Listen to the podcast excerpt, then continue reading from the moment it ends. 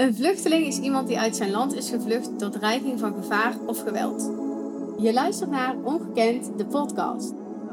Wij mogen luisteren naar de kant van de migrant met hun ontroerende verhalen en inspirerende ervaringen.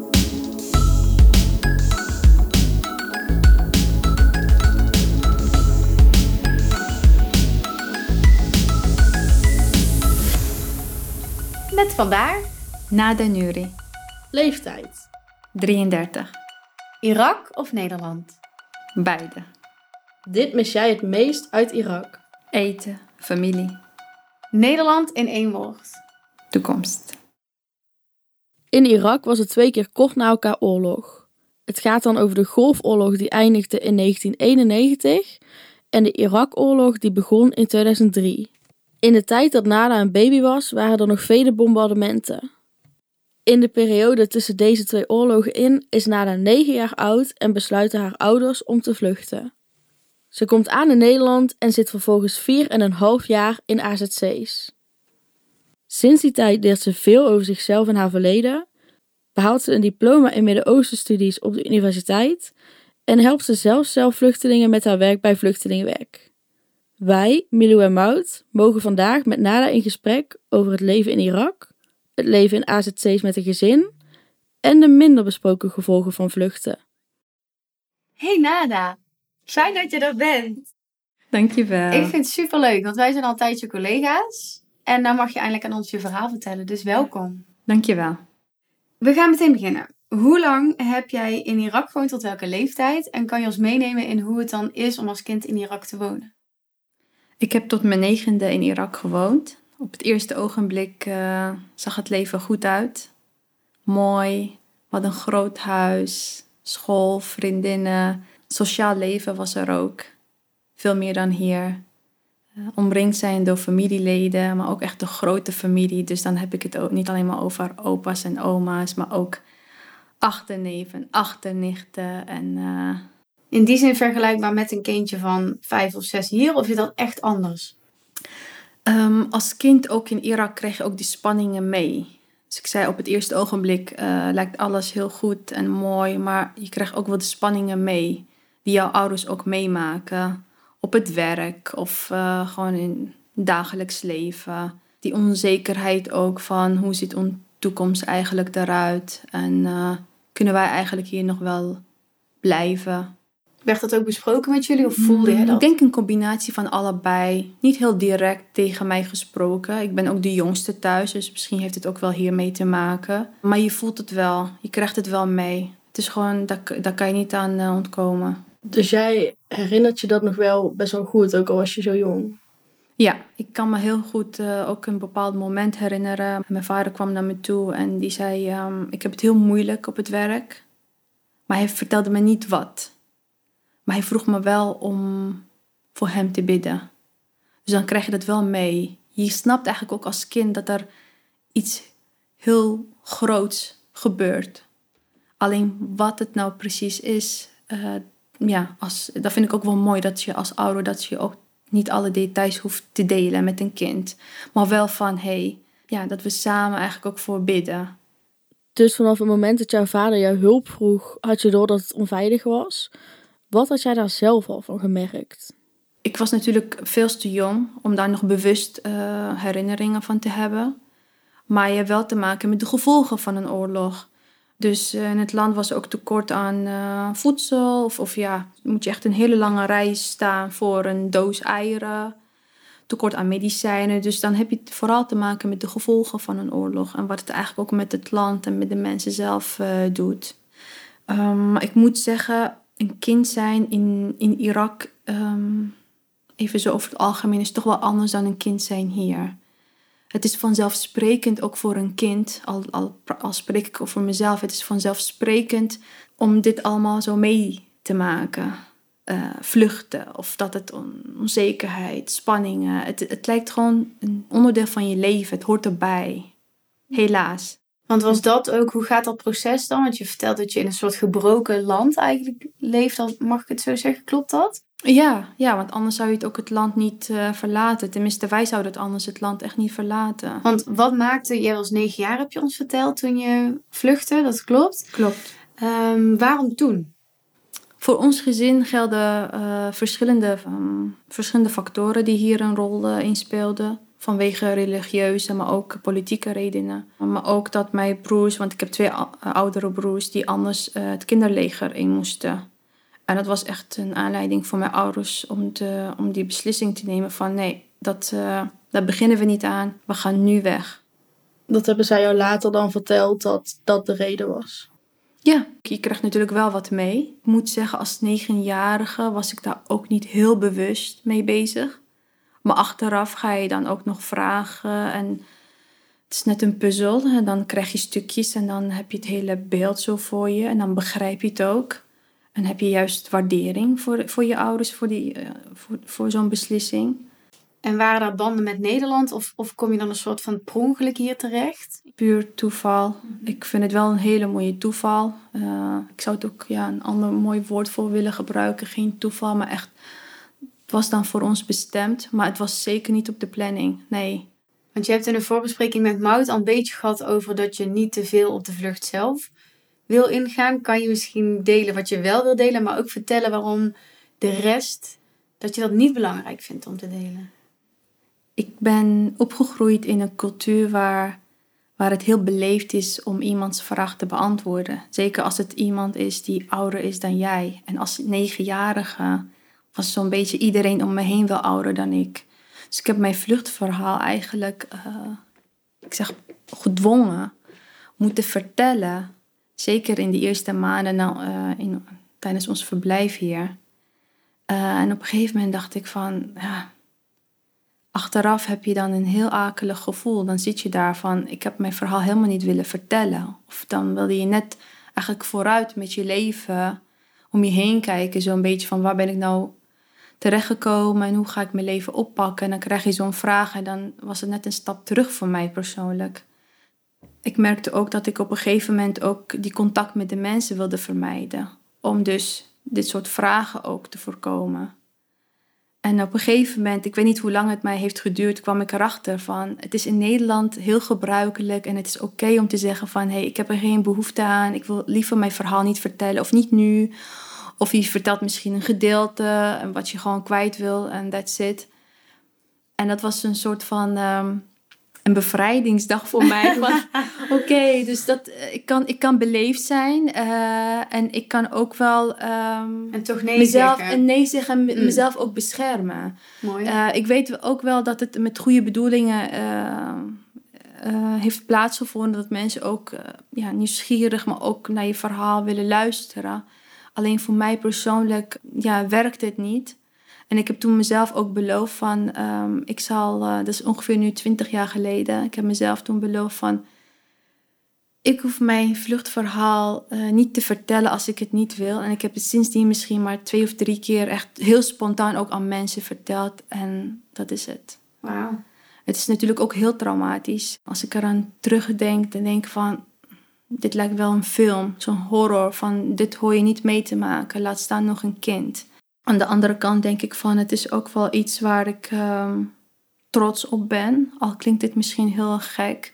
Ja, ik heb het meegemaakt, ik heb het overleefd en ik ben verder gegaan met mijn leven. Dus het heeft me ook wel kracht gegeven, het heeft me ook wel gevormd. Ja, ik vond het eigenlijk zo mooi toen je dat zo vertelde. Dacht ik, ja, ik hoef eigenlijk dat vluchtverhaal niet eens meer te horen. Ik vind dit al mooi genoeg, zeg maar. en als je Irak hoort, dan zit daar Saddam Hussein aan gelinkt bijna onmogelijk om die naam in een podcast over een vluchteling uit Irak niet te noemen. Wil je daar iets over kwijt? Wil je daar niks over kwijt? Heb je dat gevolgd? Weet je of vind je iets van het regime? Als kind krijg je dat, krijg je dat natuurlijk mee. Um, en uh, daar gaan ook wel verhalen rond op school. Um, dat als je, als je bijvoorbeeld je ouder over Saddam hoort praten, in negatieve zin, en, en als je dat doorvertelt, dat er dan iets met je ouder kan gebeuren. Er zit ook wel angst in. Ja.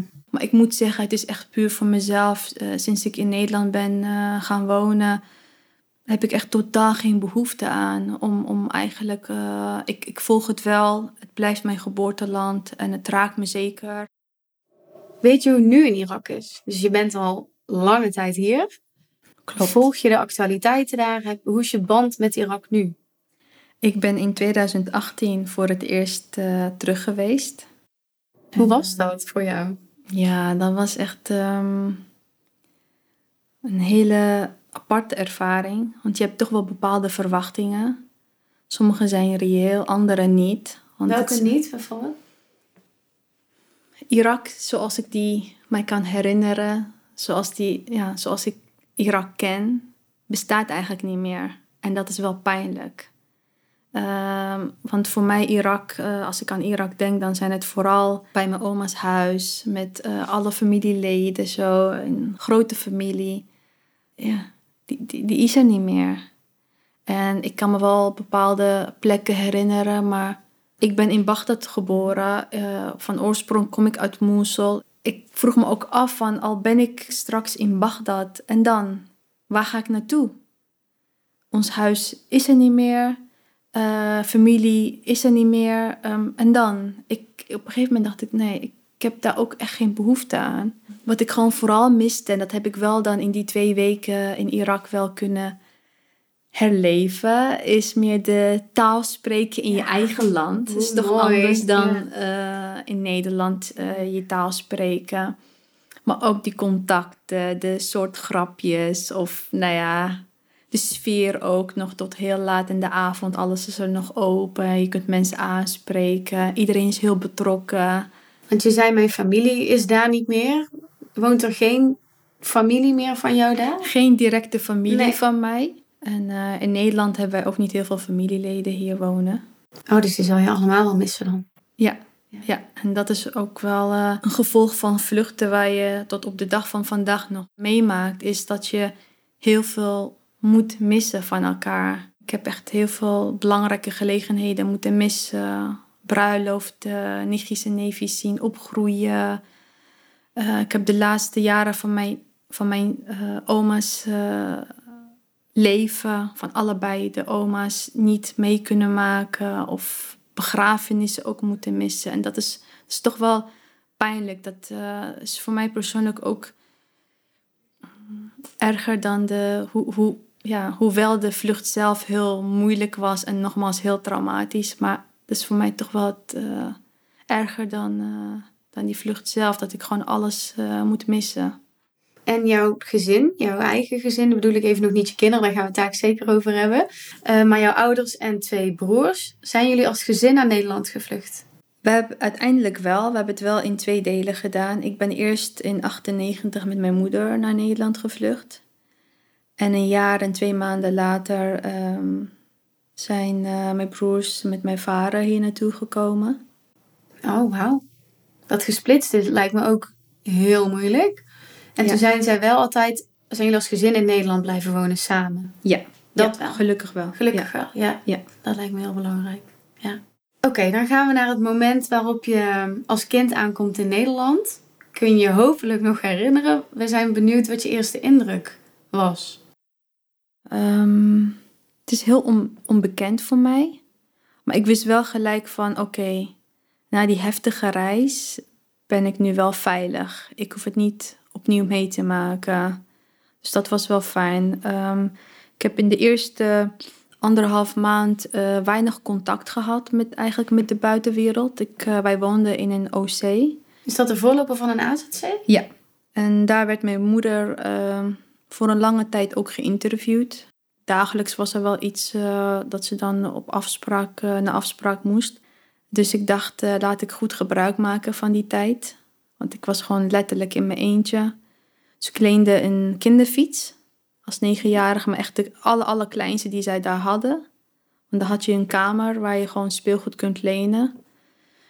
En uh, ik heb mezelf leren fietsen in één dag. Dus mijn moeder kwam Wow. terug naar een lange interviewdag en ik zei: Mam, ik wil je iets laten zien. Ik kan niet. Ik kan fietsen. ik kan fietsen. en achteraf denk ik van, ik weet niet hoe ik eraan, hoe, hoe, ja, hoe, hoe dat idee bij mij ontstond. van laat ik gewoon eh, fietsen, mezelf gewoon la- eh, leren fietsen. Maar het is gewoon eigenlijk ook wel heel mooi, want eh, later kwam het heel goed van pas. eh, in Nederland. Zeker in Nederland. Dus daar ben ik wel heel blij eh, om. Wauw.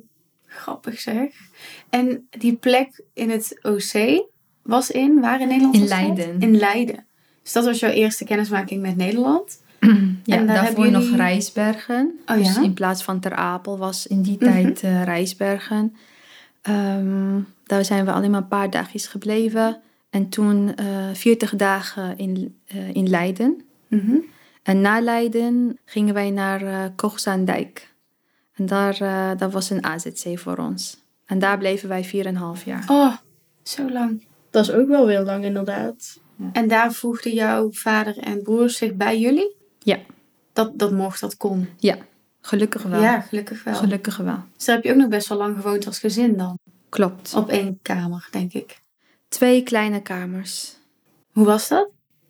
Moeilijk, eh, maar je moet gewoon doen met wat je hebt. Mhm. En nogmaals, het, het was ook wel heel apart om zoiets mee te maken. Maar het was ook wel een stukje van, oké, dit hoort erbij. Vanzelfsprekend. Dat moeten we ook even meemaken. Ook als kind van, oké. Is dat ook wat ouders dan tegen jullie zeggen van jongens, zo gaat het nu even, schouders eronder? Of is dat iets wat je zelf bedenkt? Nee, in ons gezin kwam het ook vanuit onszelf. Omdat we ook vooral bij mijn ouders eh, de zorg zagen. En, en de stress. En natuurlijk van, oké, ehm, zij, zij wilden natuurlijk heel graag een toekomst voor ons eh, bouwen. En eh, twee keer eh, negatief antwoord gekregen op, op onze asielaanvraag. Dus dat krijg je ook wel mee. En dan wil je het ook niet te zwaar maken voor je ouders. Die twee keer negatieve uitslag, dat was dan twee keer gewoon een eerste aanvraag? Of weet je dat zelfs? Ja, eerste aanvraag. Daarna kwam een eh, rechtszaak. Daar kan ik me nog wel eh, een beetje herinneren dat ik daar zat. Ik verstond natuurlijk niet heel veel van wat er allemaal gebeurde en wat er allemaal werd gezegd tijdens zo'n rechtszaak. Maar ik kan me wel herinneren dat ik echt die eh, rechter zo aankeek en met mijn ogen, ik smeekte hem gewoon letterlijk van alsjeblieft, geef ons. Want het was ook vooral voor mezelf, maar ook van, voor mijn ouders. Van wat moeten zij dan anders hierna? Ik weet het niet. Verlicht ons eigenlijk. Van ach, Ja, weet je, van ons allemaal. Ja. Van oh, geef ons dit, eh gun het die eh, uitweg. ons. Mhm. Ja. Dus ik was, eh, ja, we waren heel blij. Mocht jij ook praten in de rechtbank? Nee. En werd toen in die, of na die zitting besloten Gelijk. dat jullie de ver- oh, meteen. Ja, ik denk het wel. Dat jullie die vergunning kregen? Ja. Wauw. Na jaren eigenlijk in AZC's. Na jaren eh, onzekerheid geleefd en eh, Is dat het ergste, de onzekerheid? Ja en nee. Het is onzekerheid dat je niet zeker weet van... oké, heeft het nog wel zin om de taal te leren, hier vriendinnen te maken? En eh, eh, aan de andere kant denk je van... eh, je hebt tenminste veiligheid. Daar, daarvoor zijn we hier gekomen. Maar het maakt het ook niet makkelijk als je dit meemaakt. Eh, maar het leven ook in het AZC zelf... Ja, ik omschrijf het als goede tijden en slechte tijden. Want ja, zo was het ook voor mij. Wat maakt, of welke leefomstandigheden een AZC maken, dat je je toch als kind beperkter hebt gevoeld dan waarschijnlijk jouw kinderen nu of kinderen van die leeftijd die niet in een AZC wonen? Wat, is, wat zijn de essentiële verschillen? Eh, we hebben het natuurlijk al gehad over die onzekerheid. Bijvoorbeeld, ja. Dat is natuurlijk iets eh, heel groots. En is ook de basis eh, in die periode geweest. Je bent ook best wel kwetsbaar. Eh, je, wilt heel graag in Nederland blijven. En eh, je probeert ook, je leeft in, met verschillende mensen uit verschillende landen. En ja, er zitten ook wel mensen bij, helaas, die gewoon problemen opzoeken. Ehm, een probleem van maken. Onnodig dan. En je wilt, eh, je wilt bepaalde eh, contacten vermijden. Of, of ja. In, een, eh, in het AZC was ik een van de oudste kinderen. Daar woonden ook eh, heel veel eh, jonge mannen. Die daar alleen eh, naar Nederland zijn gekomen. Ik werd eh, heel vaak lastiggevallen. En dat is iets wat, eh, wat ik niemand eh, eerder heb verteld. Het werd ook eh, erger. Vlak voordat we moesten verhuizen. En op een gegeven moment dacht ik, "Hmm, dit is gewoon niet vol te houden. Want je zit letterlijk gewoon je huiswerk van groep 8 te maken. Terwijl je nog aan de andere kant van de ruimte nog van alles naar je wordt geroepen. Van, ehm, en ik denk, ja, dit is gewoon niet normaal. En het moment dat, ik dus te horen, dus dat wij dus te horen kregen van uh, we mogen in Nederland blijven en binnenkort uh, mogen we verhuizen, gaf het mij gewoon de kracht om het vol te houden. Want ik wilde die problemen dus vermijden. Ik, ik wist wat er anders zou gebeuren en ja, dat wil je niet. Dat wil je ook niet voor je, voor je familie. Wat dapper dat je dit deelt. Heel knap.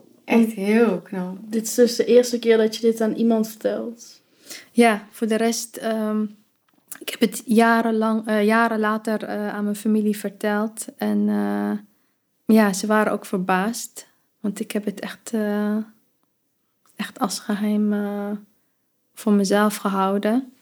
En ze zeiden ook van, ja, we hadden echt heel veel ook voor, voor jou kunnen doen. En dat weet ik natuurlijk ook. maar ik wilde het gewoon voorkomen. Ik wist wat er anders zou gebeuren. En uh, godzijdank, uh, weet je, is het gewoon goed afgelopen. Maar achteraf zijn dat juist de dingen die je dan echt uh, moet verwerken. En die invloed hebben, denk ik, op jouw kijk op mannen, op de wereld, op misschien Nederland, geen idee. nee, ik kijk het echt puur. Dat zijn de mensen. Dat zijn de mensen zelf geweest. Het heeft me wel, dus nogmaals, die, die, die dankbare houding van je bent veilig, het gaat goed, je bent goed uh, terechtgekomen. Je mag hier je leven opbouwen, je mag zelf je eigen uh, keuzes hierin maken. Dat, dat is voor mij nu belangrijk. Is dat het mooiste wat er is? Dat is echt het mooiste wat het is. En ik vertel het, ik vertel dit verhaal alleen maar om te zeggen dat ik geloof dat ieder van ons wel dankbaar kan zijn. Hmm. Uh, je hoeft niet bepaalde dingen mee te maken. Ik wens het niemand toe. En uh, helaas zijn er ook erge verhalen. Dapper van je, echt heel knap. En zeker na de ervaring van je vlucht op zich al. En dan ben je veilig en dan ervaar je nog een, een vorm van onveiligheid eigenlijk. Als jong meisje. Ja, en het is natuurlijk, uh, zijn natuurlijk ook wel dagen waar je gewoon uh, niet zo positief in staat. Uh, maar ik moet zeggen, als ik dan zulke dagen meemaak, dan zeg ik oké, het, is, het is menselijk, het is oké om, om je iets minder goed te voelen of iets minder positief in te staan. Maar um, het mag alleen maar van korte duur zijn. Daarna moet ik gewoon opstaan. Uh, want nogmaals, het moet niet, uh, niet voor niets zijn geweest dat mijn ouders dit voor ons allemaal hebben gedaan. Uh, grote opofferingen. Mijn vader leeft dan niet meer, maar wat moet ik dan tegen mijn moeder zeggen? Je hebt al die moeite genomen, maar ik geef maar op. Mhm. Ja, dat, dat kan gewoon niet. En toen kwam het nieuws dat jullie de vergunning kregen. Hoe was dat om dat nieuws te krijgen? Geweldig. Geweldig nieuws, want we hebben jarenlang hierop uh, moeten wachten. Ik was 13 jaar en uh, het eerste huis was alleen voor mij en voor mijn moeder bedoeld. Oh. Want uh, de rest van het gezin had nog een negatief antwoord gekregen. Omdat zij later gekomen waren? Ja. Ah ja. Maar eigenlijk weer een, een scheiding. Een scheiding. En mijn vader en mijn broers die kwamen bijna iedere weekend bij ons. Maar het was wel een grote afstand, uh, want wij kregen een huis in Den Haag. Maar het was weer zoiets van, oké, dit hoort erbij. En het gaf ook natuurlijk de rust van, oké, we mogen in Nederland blijven. Dus het is, het is een kwestie van, oké, dan dan, dan kun je het nog beter volhouden. Omdat je weet, het resultaat is mooi. Je mag hier blijven. En we hebben het ergste gedeelte, als ik het zo kan zeggen, al achter de rug. Dus dit kan er ook nog wel bij. En ging jij dan uh, naar school in Den Haag? Ik ging naar, uh, in Den Haag uh, naar de middelbare school. Hoe was dat? Als Iraakse vluchteling? Of had je die stempel niet echt? Of voelde je dat wel zo? Op de basisschool wist iedereen wie ik was. Tegelijkertijd had ik er ook wel nog moeite mee. Ik, ik merkte van een AZC na 4,5 jaar verlaten doet ook wel wat uh, met je en uh, bepaalde dingen verwerken. Uh, in die tijd wist ik natuurlijk niet wat het was en verwerken en trauma en dat soort dingen. Maar achteraf kan ik dat wel zo ja, een naam geven. Mhm. En hoe verhoudt zich, zeg maar, in welke zin heb jij het dan misschien moeilijker gehad? Of in welke zin heb jij andere thema's gekend dan misschien een, tussen aanleidingstekens, normale puber van 13, 14 die ook zijn of haar weg moet vinden op een middelbare school? Of is dat hetzelfde? Uh, wat voor mij vooral uh, heel, heel erg belangrijk was, um, dat ik voor mezelf wilde bewijzen dat ik het kan. Um, het leven in een AZC heeft mij toch wel uh, geraakt, heeft me ook wel een beetje gebroken, heeft me ook heel veel onzeker gemaakt van kan ik het wel, hoor ik er wel bij, um, gaat het me wel lukken. Uit schaamte ook een beetje? Ook wel een beetje schaamte. Absoluut niet voor wat mijn uh, ouders hebben gedaan, maar meer van. Je krijgt bepaalde reacties van mensen, van andere kinderen te horen. En ja, als kind en als je daar nog niet je plek hebt gevonden, dan kan het jou heel erg raken. Ja, want wat doet het met een kindje als je uh, negen jaar bent, ouder, gaat puberen, je bent een meisje, je hebt twee oudere broers en je leeft zo dicht op elkaar. Je ziet misschien ook ellende van anderen, weet ik niet, maar kan ik me voorstellen. Ja, heel veel ellende. Onderling hebben we ook heel veel ruzies gemaakt. Tuurlijk. Mijn broers en ik van uh, wie wil wat doen nu op de kamer en wie mag wat doen. Dus dat was een van mijn eerste indrukken in Nederland, dus eigenlijk ook op het AZC zelf. Ik, uh, tijdens mijn eerste paar dagen dacht ik bij mezelf, ja, hoe, wat gaan we hier doen? Ik, ik wist echt absoluut niet van wat het allemaal is. En ik zag ook nog niemand, weinig kinderen, weinig andere kinderen. Ik ging naar beneden, het is een grote zaal. Want het is een oud hotel. Ah, ja. is eigenlijk waar het restaurant uh, was. Mm -hmm. En ik zag een, uh, een vrijwilliger. Ik zag haar uh, op het raam schilderen. En ik dacht bij mezelf, wat mooi dat ze dat ah. gewoon zo doet. Dus ze zag me staan. Ze vroeg me eigenlijk van, wil je ook schilderen? Maar ik durfde niet. Ik denk, ach. Dus ik probeerde haar eigenlijk met met gebroken, met gebrekkig Nederlands van duidelijk te maken van, ah, ik durf het echt niet of ik kan echt niet tekenen of schilderen. Ze gaf me de kwast en ze was tulpen aan het schilderen. en dat was de eerste ontmoeting met deze vrijwilliger. Haar naam is Ut. Na 24 jaar heb ik nog steeds contact met haar. Wauw. Dus um, ja, ze heeft echt um, die jaren op het AZC echt kleur gegeven. Wat ze allemaal deed, de activiteiten die zij organiseerde. Um, ze was er echt voor ons. Zij was eigenlijk ook de eerste aan wie ik het verhaal, mijn vluchtverhaal, wilde vertellen. Zij was er altijd voor ons. Wauw, wat mooi. Ja. Goed, en wat mooi dat je nog contact hebt ook. Ja, ja, er waren ook nog andere vrijwilligers. Ja, we zijn echt goed ontvangen. Ja, is dat, als je daarop terugkijkt, is dat je indruk geweest? Zeker, zeker. Heel warm.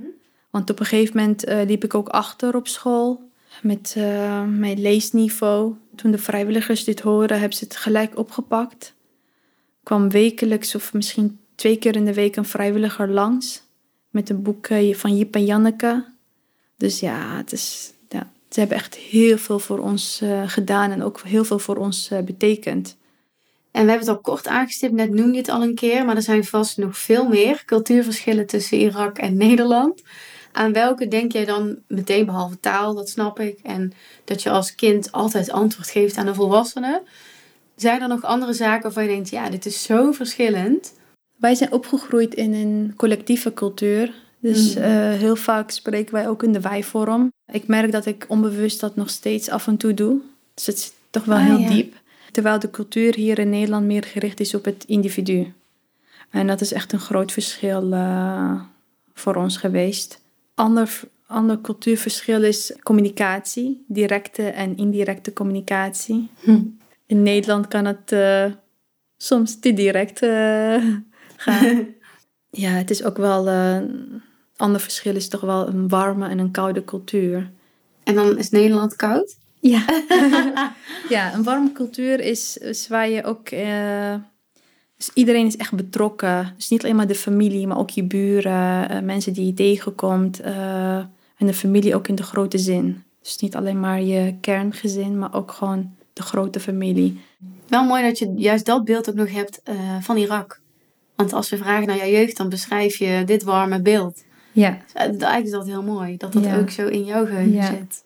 Sta jij neutraal in al die verschillen? Of heb je altijd wel dat je denkt, ik heb nu een voorkeur voor die of... Het is per onderwerp verschillend. Ehm, het is ook afhankelijk met, eh, met wie ik te maken heb.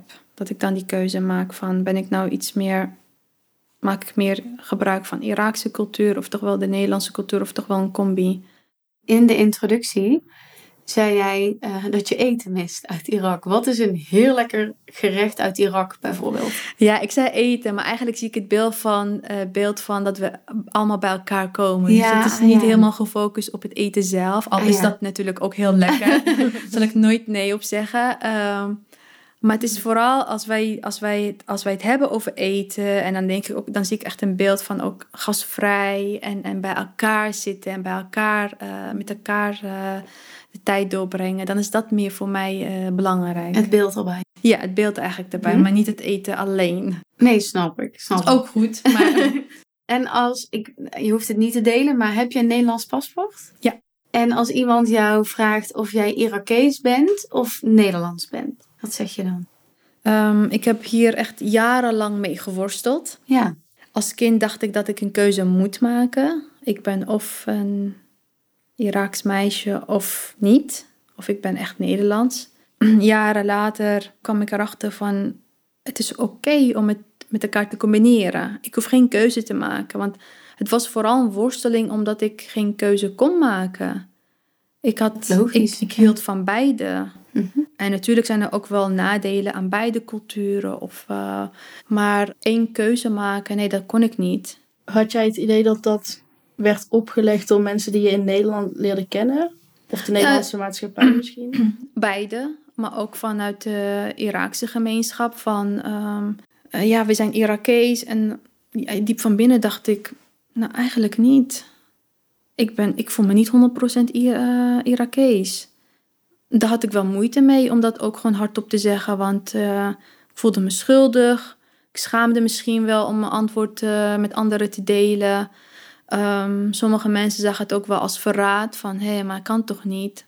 Eh, je, hebt, je hebt Irakese ouders. Je bent in Irak geboren. Dan is het toch Duidelijk. gek eigenlijk. Dan ben je gewoon duidelijk. Dan zeggen ze, wat ben je van nou van bloed? Maar dat is ook wel een stukje ontwikkeling.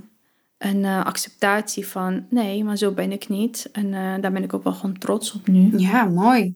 Maar nogmaals, het heeft me wel jarenlang gekost. Wat maakte dat je nu het kan omarmen, juist dat je twee nationaliteiten in je hebt? Op een gegeven moment had ik eh, een gesprek met eh, mijn studiecoördinator op, eh, op de universiteit. En zij wist niet waar ik mee worstelde. We hadden het over heel iets anders. En ze vroeg me van, eh, ja, waar kom je vandaan? En ik vertelde, ik kom uit Irak. Zij zei, oh wat mooi, dan is het echt een zegen om twee culturen te Ja, hebben. En toen, toen mooi. dacht ik, inderdaad. inderdaad. Ja. Maar ik zag het soms ook wel als een vloek, omdat ik natuurlijk te maken heb van, eh, nou ja, een grote kloof, ook tussen culturen op school, thuis, wat er, wat, wat er dan van je wordt verwacht. Maar dit zinnetje van haar bleef me echt jarenlang gewoon zo eh bezighouden. En ik dacht, ja, het is eigenlijk heel mooi omschreven. Het is een zegen. En dan kan je gewoon omarmen. Is dit ook een thema geweest waar je met jouw partner veel over hebt kunnen sparren? Ja, ook wel. Ik, dan deel ik ook eh, van hoe ik eh, over bepaalde dingen denk. Ook over de opvoeding. Ja. Want wil je daar iets meer over kwijt? Over wat dan Irak met jouw opvoeding te maken heeft? Ja, het heeft heel erg veel eh, mee te maken. Ik ben natuurlijk blij en dankbaar dat mijn kinderen niet hoeven mee te maken wat wij hebben meegemaakt. Ik hoop natuurlijk dat ze ook wel dankbaar, Mhm. dat ze met een, ja, een dankbare houding hebben eh, voor wat Nederland voor ons heeft gedaan en nog steeds eigenlijk doet. Maar ook voor de beslissing van hun grootouders. Mijn oudste die, eh, die spreekt gewoon vloeiend Arabisch. En ook nog een christelijke taal die ook daar in Irak eh, wordt gesproken, Aramees. En dat vind ik ook wel mooi dat hij dat ook zo meekrijgt. En ook Nederlands. Absoluut. Zijn er nog meer dingen behalve de taal die je dan nog probeert mee te brengen? Ook al is het vanuit Nederland dan. Ik hoop dat ze een goed balans vinden en, en de beide culturen goed, eh, mooi met elkaar kunnen combineren. Eh, als ik het heb over de Iraakse christelijke cultuur, dan kunnen we ook soms te ver gaan met eh, dingen uit beleefdheid zeggen of doen. Dan hoop ik voor mijn kinderen dat ze dan wel tegelijkertijd die gasvrijheid wel overnemen, maar dan ook wel dat ze grenzen hebben en ook die wel aangeven. Het moet niet ten koste gaan van je tijd met je gezin of ten koste gaan van, ja, van je gezondheid. Ehm, dat ze wel een mooie balans vinden eigenlijk wordt er een soort nieuwe cultuur daardoor ja. ontstaan. Ja, en dat het ook vanzelfsprekend is. Uh, maar dan mogen ze natuurlijk ook wel hun eigen draai aangeven. Maar ik hoop natuurlijk wel dat ze beide culturen combineren. Want wij kennen elkaar van vluchtelingenwerk, jawel. en hoe is het dan voor jou om te werken met vluchtelingen nu? Want dat doe je. Misschien kan je kort vertellen wat je nu doet en hebt gedaan al voor de stichting. Momenteel werk ik als teamleider bij, eh, binnen het project uh, Oekraïne.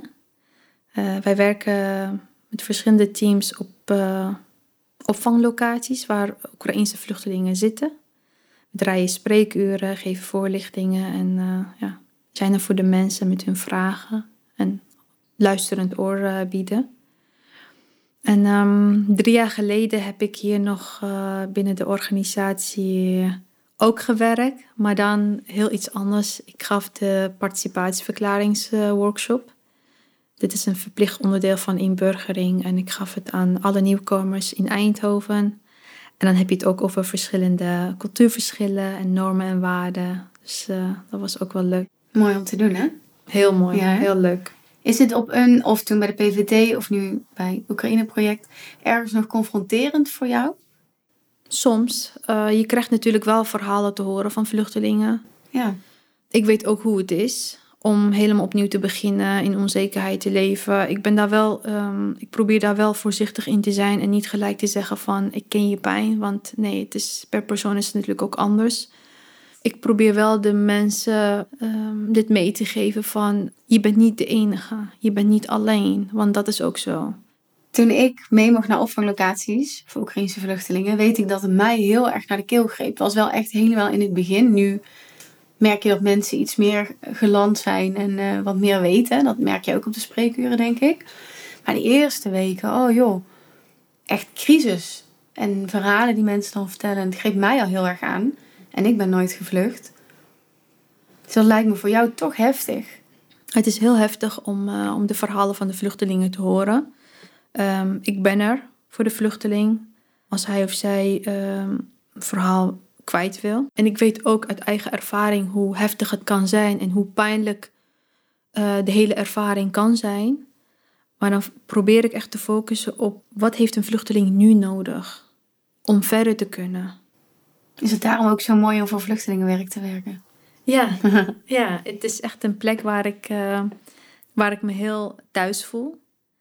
Uh, hier mag ik uh, deze combinatie gebruiken, die twee culturen en de talen die ik spreek, mijn, mijn, eigen ervaringen, mijn persoonlijke ervaringen, maar ook mijn werkervaringen. Dus het is echt een combinatie van wat, wat mij allemaal raakt, mag ik hier gebruik van maken en in de hoop een ander te helpen. Ja, mooi. Mooi hoor. En niet alleen vluchtelingenwerk intern lezen, horen, schrijven wij veel over, over deze doelgroep, als ik ze zo mag noemen. Uh, maar er is in de media van alles uh, gezegd en geschreven over vluchtelingen. Op dit moment ook heel actueel natuurlijk in Ter Apel. Kijk je daarnaar en zo ja, hoe kijk jij daarnaar? Het is pijnlijk als je, als je ziet dat mensen basisvoorzieningen uh, missen. wens ik echt niemand toe is ook wel pijnlijk om, om andere kant van, uh, van, ja, van het verhaal te horen. Waar mensen gewoon helemaal niet blij zijn met vluchtelingen hier in Nederland.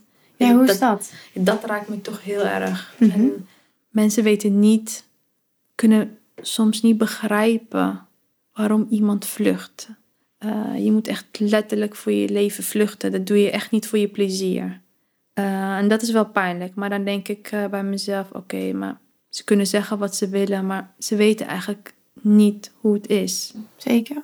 In jouw werk spreek je dus dagelijks vluchtelingen. En misschien ken je ook nog wel mensen die vroeger gevlucht zijn. Heb jij tips voor mensen die in Nederland aankomen als vluchteling? Of misschien twintig jaar later hier nog steeds wonen? Weet dat je niet alleen bent. Ehm, wees ook geduldig, want sommige dingen hebben gewoon tijd nodig. Wees ook dankbaar en blijf ook actief. Blijf, wil je dan participeren ja. ook? Bedoel je? Ja, doe gewoon mee in hoeverre het natuurlijk kan eh, binnen de richtlijnen. ehm, of het nou een activiteit is of contact met Nederlanders, of het nou een cursus is of, eh, nou ja, of andere dingen. Want waar je ook, of je nou hier mag blijven of niet, is wel iets wat je mee kunt nemen. En daar heb je gewoon altijd baat bij. En dan zit er zoveel in je rugzak. Heb je zo'n volle rugzak als kind, adolescent en dan ga jij een universitaire studie gewoon doen. Ja, dat was ook een hele lange weg. Ehm, en gelukkig waren ook heel veel mensen die mij hierin eh, steunden. Want ik kreeg eh, als advies dat ik... eh, ik heb eerst een jaar MAVO gedaan. En daarna HAVO-VWO en daarna VWO en daarna universiteit. En eh daar waren echt heel veel mensen die mij ook steunden. Soms kreeg ik ook andere, andere weerklanken. Ehm, het heeft me ook wel geraakt op sommige momenten. Dat ik denk van, nou, ik denk dat ze wel gelijk hebben. Het gaat me niet lukken, ik kan het niet. Maar je kan het wel. Maar uiteindelijk eh, is het me wel gelukt. Ben je universitair afgestudeerd, toch? Ja. Welke studie? Ik heb Midden-Oosten studies gedaan.